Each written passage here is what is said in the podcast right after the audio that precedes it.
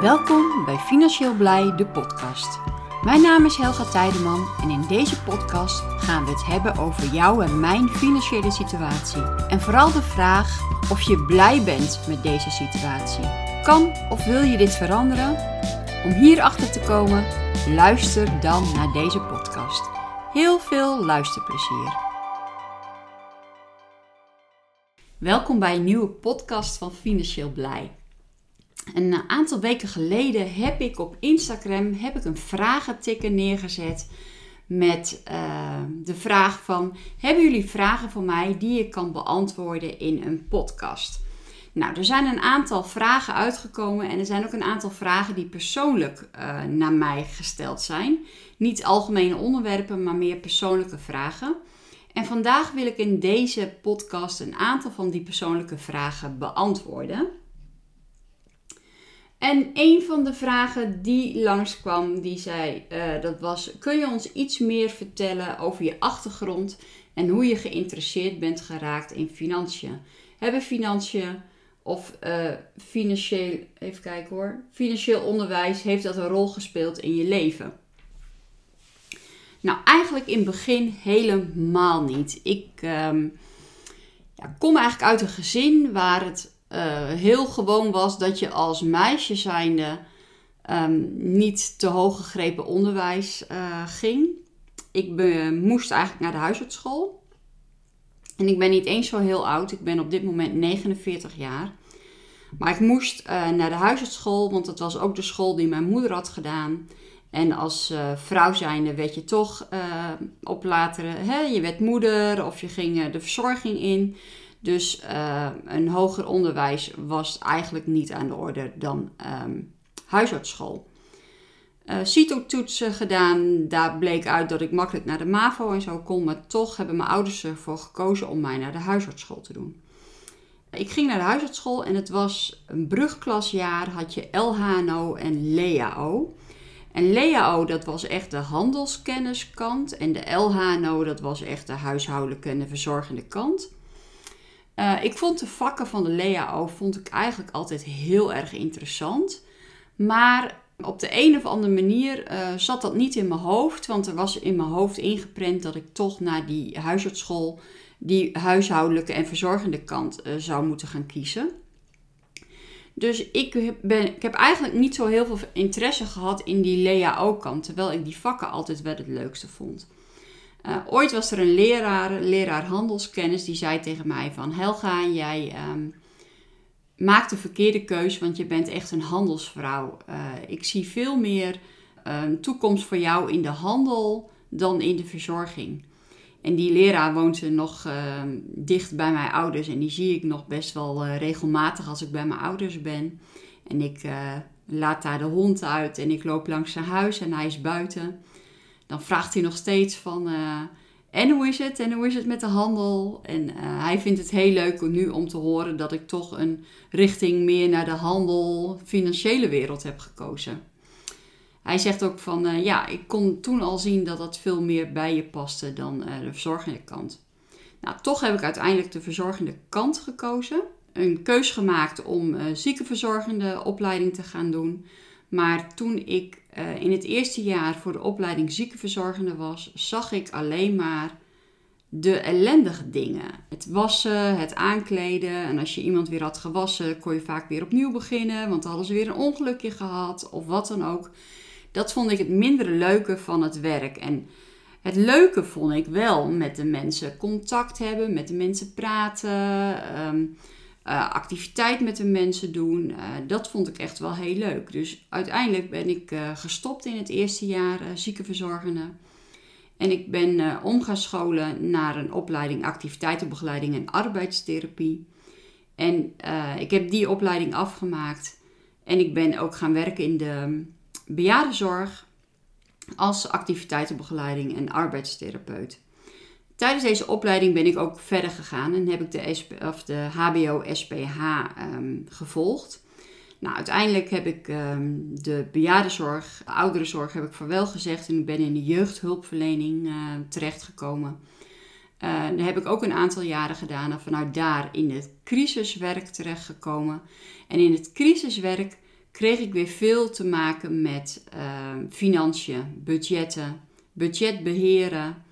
Uh, mensen met heel veel schulden die uit huis geplaatst werden, afgesloten werden van gas, water en licht. Uh, nou, noem maar op welke ellende ook allemaal. En dan moest uh, binnen afzienbare tijd moest daar actie ondernomen worden. En ja, dat vond ik eigenlijk wel heel erg leuk om te doen. Om uitzoeken van de schulden, wat zijn de hete hangijzers, uh, regelingen treffen, uh, al dat soort dingen. Dus daar kwam eigenlijk het stukje omgaan met financiën uh, behoorlijk boven tafel. En dat vond ik eigenlijk wel heel erg leuk om te doen. Uiteindelijk, dat crisiswerk was heel erg zwaar en ik kwam um, best wel in hele ja, schrijnende situaties terecht. Dat je na vijf jaar echt wel zoiets had van: dit moet ik niet heel veel, echt langer meer gaan doen. Dus toen heb ik echt ook wel een andere kant uh, gekozen dan, uh, dan alleen nog maar de hulpverlening. Dus dat is een heel klein beetje mijn financiële achtergrond. Uh, de volgende vraag is van ehm, hoe werden bij jullie thuis met de financiën omgegaan? Hoe werd het bijvoorbeeld geregeld met zakgeld? En hoe mocht je zakgeld uh, besteden? Thuis kregen wij zakgeld. En ik ben de oudste van drie kinderen. En um, we kregen ook op leeftijd zakgeld. Dus we kregen ook allemaal verschil, verschil in zakgeld. En uh, we moesten altijd de helft van ons zakgeld moesten we sparen. Dus stel, mijn zakgeld was een gulden. Uh, want volgens mij ben ik ooit met een gulden zakgeld begonnen in de week. Dan moest ik 50 cent moest ik in de spaarpot doen. En de andere 50 cent mocht ik besteden daaraan wat ik wou. Dus daar hoefde ik ook geen verantwoording aan af te leggen. Ik hoefde ook niet te vragen wat ik daar voor mocht kopen of zo. Nee, al ging ik daar direct mee naar de snoepjeswinkel en kocht ik er snoepjes van of een ijsje. Of ik deed het ook in mijn spaarpot of wat dan ook, of ik bewaarde het. Uh, daar hoefden we geen verantwoording over af te leggen. Over die andere 50 uh, procent, hè, de, de, andere helft wel, die moesten we sowieso sparen. Maar als, we, als wij iets van ons spaargeld uh, wouden kopen, moesten we dat altijd wel eerst overleggen en bespreken met mijn ouders. Dan mochten we niet maar zo ja, ongevraagd iets van kopen. Dus dat moest eigenlijk altijd in overleg. En naarmate je ouder werd, geloof ik dat ik elk jaar uh, kreeg je er uh, 50 cent of een euro of een gulden ehm, bovenop. En zoals mijn broertje, die kreeg dan net iets minder en mijn zusje kreeg nog weer net iets minder. Dus in die zin uh, werd het altijd eigenlijk opgebouwd. Ik geloof dat ik toen ik naar uh, voortgezet onderwijs ging, dat ik ongeveer op 5 euro of 5 gulden in de week zat aan zakgeld. Niet zo heel erg veel, maar ik hoefde er ook niet zo heel veel van. Um, het was eigenlijk alleen maar voor mijn eigen vertier, dus mijn snoepjes, uh, dat soort dingetjes om daarvan te kopen. Op school hoefde ik eigenlijk nooit wat te kopen. We hadden geen kantine of zo op school of een snoepautomaat of wat dan ook. Je kon wel bonnetjes kopen voor soep in de winter en uh, melk en chocolademelk, dat soort dingen. In de winterperiode kregen we altijd dan uh, geld van thuis mee om bonnetjes te kopen voor de soep zodat je tussen de middag soep uh, kon kopen. En brood namen we altijd gewoon van huis mee. Dus op school had ik eigenlijk geen geld nodig. Ook om schoolspullen te kopen, dat geld kregen we ook eigenlijk ja, gewoon van mijn ouders. Op een gegeven moment was ik wel zover dat ik vroeg om kleedgeld. Dat ik het leuk vond om zelf mijn kleding te kopen. En op een gegeven moment, ik weet nog dat ik geloof iets van 100 gulden kleedgeld kreeg. Maar dan hoefde ik dan geen schoenen en geen jas van te kopen. Zoals een winterjas of een zomerjas. Die uh, kregen we dan. En dan en schoenen kreeg ik. Maar bijvoorbeeld wou ik uh, ja, een dure spijkerbroek. Dan, uh, ja, dan wist ik dat ik er maar één kon kopen. Terwijl ik er dan misschien wel twee of drie kon kopen. Maar dat moest ik dus dan wel van die 100 gulden doen. Dus zo werd er bij mij thuis met geld omgegaan. Uh, kan je vertellen welke waardevolle financiële lessen je hebt geleerd uit je jeugd? Nou, toch dat ik de helft van mijn geld moest sparen. En dat ik uh, moest overleggen waar ik dat spaargeld uh, aan uit ging geven. En niet dat je iets in een opwelling gaat kopen omdat je toch dat geld hebt. Dus dat vond ik wel een van de belangrijke lessen. Wat zijn volgens, volgens jou de belangrijkste fouten of de meeste fouten die mensen maken met hun financiën? Nou, eigenlijk al geld uitgeven voordat je het hebt.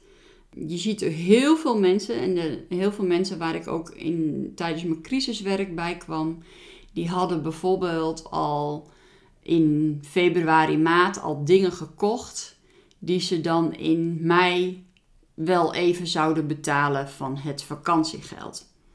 Nou, als puntje bij paaltje komt, het is mei en je vakantiegeld wordt uitgekeerd, is er altijd wel weer een andere rekening die uh, ook betaald moet worden. Of ja, men wil toch op vakantie van dat geld of een uitje maken, want ja, dat hebben kinderen verdiend. Of noem maar op welke reden ze kunnen bedenken. Dus dat je dingen op ja, afbetaling gaat kopen of uh, met uitgestelde betaling. Ik denk dat daar heel veel uh, schulden door ontstaan. Dat je geld eigenlijk al uitgeeft wat je nog niet hebt, of helemaal niet hebt, of misschien nog niet hebt. Ik denk dat dat in mijn ogen de grootste fout is wat de meeste mensen kunnen maken. Wat is jouw manier om geld te besparen? Nou, ik moet heel eerlijk zeggen dat ik niet echt super zuinig leef. Uh, ik geniet ook wel gewoon van mijn geld. En um, ja, ik rij niet bijvoorbeeld een hele dure auto of een grote auto, omdat ik dat misschien aan de buitenwereld wil laten zien van kijk eens hoe groot mijn auto is. Ja, dat soort dingen, daar wil ik dan wel mijn geld op besparen. Ik, ik zet echt niet mijn kachel een graadje lager. Ik ben een koukleum. En uh, ik zet hem eerder nog een graadje hoger dan een graadje lager. Dus daar bezuinig ik ook niet op. Maar ja, ik vind het wel onnodig om bijvoorbeeld mijn kachel aan te laten staan terwijl ik uh, een, ja, een lange tijd niet thuis ben. Ik heb, zo, ik heb zo'n voorgeprogrammeerd kachelsysteem. En dan bijvoorbeeld zaterdags ben ik eigenlijk nooit thuis. Dus zaterdag staat hij eigenlijk altijd uitgeprogrammeerd. En mocht ik dan een zaterdags wel thuis zijn, moet ik hem handmatig aanzetten. Dat zijn dingen waar ik dan wel op uh, wil bezuinigen. Ja, en overmatige luxe producten qua boodschappen. Ja, heb ik eigenlijk ook niet. Dus ik zeg, ik zeg niet dat ik zuinig leef, maar ik gooi ook niet uh, aan de andere kant veel geld over de balk. Welk impact heeft het voor jou dat, het verschil, dat er zoveel verschillen is tussen het belonen van mannen en vrouwen op financieel gebied? Um, nou, ik vind wel dat dat steeds minder gaat worden. Uh, dat het verschil er is, maar helaas is dat verschil er nog. En ik heb het zelf eigenlijk best wel van dichtbij meegemaakt. En dat is niet uh, qua beloning, dus qua uh, salaris, dat ik als vrouw zijnde minder kreeg dan een man in diezelfde functie. Maar dat is bij het aanvragen van een hypotheek geweest. Ik heb een hypotheek aangevraagd als vrouw alleen. En dat is nu ik denk zo'n 15 tot 20 jaar geleden. En toen kwam er uiteindelijk een bedrag uit, wat ik dus kon uh, krijgen als hypotheek. En toen werd er direct bij gezegd, maar we trekken er 20.000 uh, eh, gulden van af. Dat was ook nog in de guldenstijd toen. Of nee, net niet. 20.000 euro trekken we ervan af. Omdat je een vrouw bent. Nou, dat vond ik wel zo raar. En ik vroeg ook van, wat is dan de reden? En... Uh, uh, dat je voor een vrouw dan gelijk 20.000 uh, euro daarvan aftrekt. Ja, omdat een inkomen van een vrouw nooit zeker is in verband met uh, kinderen krijgen, um, wel of niet fulltime blijven werken. Terwijl ik bewust voor, niet, voor geen kinderen heb gekozen. En dan krijg je, word je met zoiets geconfronteerd bij de, bij de bank. En dat vond ik wel um, ja, erg vervelend op dat moment. En dat was toen ook dus dat ik mijn huis dus niet kon kopen. Omdat ik dus die 20.000 euro extra wel daarvoor nodig had. En daar balde ik toen wel van. En dat vond ik ook wel heel erg dat je daar dus als vrouw zijnde op afgerekend werd. Ik denk dat het in deze tijd op die manier dus niet meer voor zou kunnen komen. Vooral op het gebied van social media. Dat zo'n bank daar uh, behoorlijk uh, onderuit gehaald wordt op social media, denk ik, als zoiets zou gebeuren. Um, wat is jouw kijk op de toekomst uh, qua financiën? Um, welke visie gaat. eh, eh, even kijken hoor. Welke visie heb jij op geld in jouw leven? Hmm, pak ik net een, eh, een moeilijke vraag eruit. Maar eh, mij kijken op financiën ehm, qua in de wereld, hè, hoe het er nu uitziet, is denk ik dat we ja, best nog wel een hele moeilijke tijd gaan krijgen. We zitten echt wel in crisistijd. En eh, alles wat je hoort nu om je heen en wat er in, eh, in Amerika gebeurt, hè, banken vallen om, uh, dollar wordt minder waard. Ik denk dat we best nog wel een heftige tijd qua financiën gaan krijgen. En ehm, ja, ik denk ook wel dat een digitale munt ehm, zeker wel de toekomst gaat zijn. En of dat bijvoorbeeld de bitcoin zal zijn, dat denk ik bijna niet. Maar ik denk wel dat uh, digitale valuta een hele belangrijke rol nog wel in ons, uh, in ons leven gaat uh, spelen. En hoe een belangrijke rol geld in mijn leven gaat spelen. ik heb nooit het ideaal voor ogen gehad om um, heel erg rijk te worden, om echt miljoenen te bezitten of wat dan ook. En dat is ook niet mijn streven. Maar daarom heet mijn organisatie ook financieel blij en niet financieel vrij. Ik wil graag gewoon altijd een blije financiële situatie houden, zodat ik altijd kan rondkomen, dat ik altijd dat kan betalen wat ik moet betalen en dat er altijd dingen over is om leuke dingen, of geld over is om leuke dingen mee te doen. En daar hoef ik niet per se echt financieel vrij voor te zijn. Uh, het zou wel mooi zijn maar ik heb niet voor ogen dat ik echt uh, die uh, tonnen op de bank zou willen hebben staan. Het levert niks op trouwens. Ik wil dat dan graag weer investeren in crypto en in vastgoed en in andere beleggingsdingen. maar um, ja, een financiële blije toekomst, die visie heb ik wel voor mezelf dat ik daar uh, gewoon aan wil blijven werken. Ik zit op dit moment ook wel in een financiële blije situatie, maar dat wil ik ook heel graag houden zo. Nou, er zijn een aantal vragen die jullie aan mij hebben gesteld. Um, binnenkort ga ik weer zo'n vragen-tigger plaatsen, maar dan wat meer met onderwerpen voor de podcast. En vooral ook voor het nieuwe seizoen. Wil je een keer een praatje houden in, in deze podcast, dan kan het natuurlijk ook altijd. Uh, reageer dan even via, PB, uh, via een pb'tje of doe ons even een mailtje naar info.financieelblij.com. Tot een volgende podcast.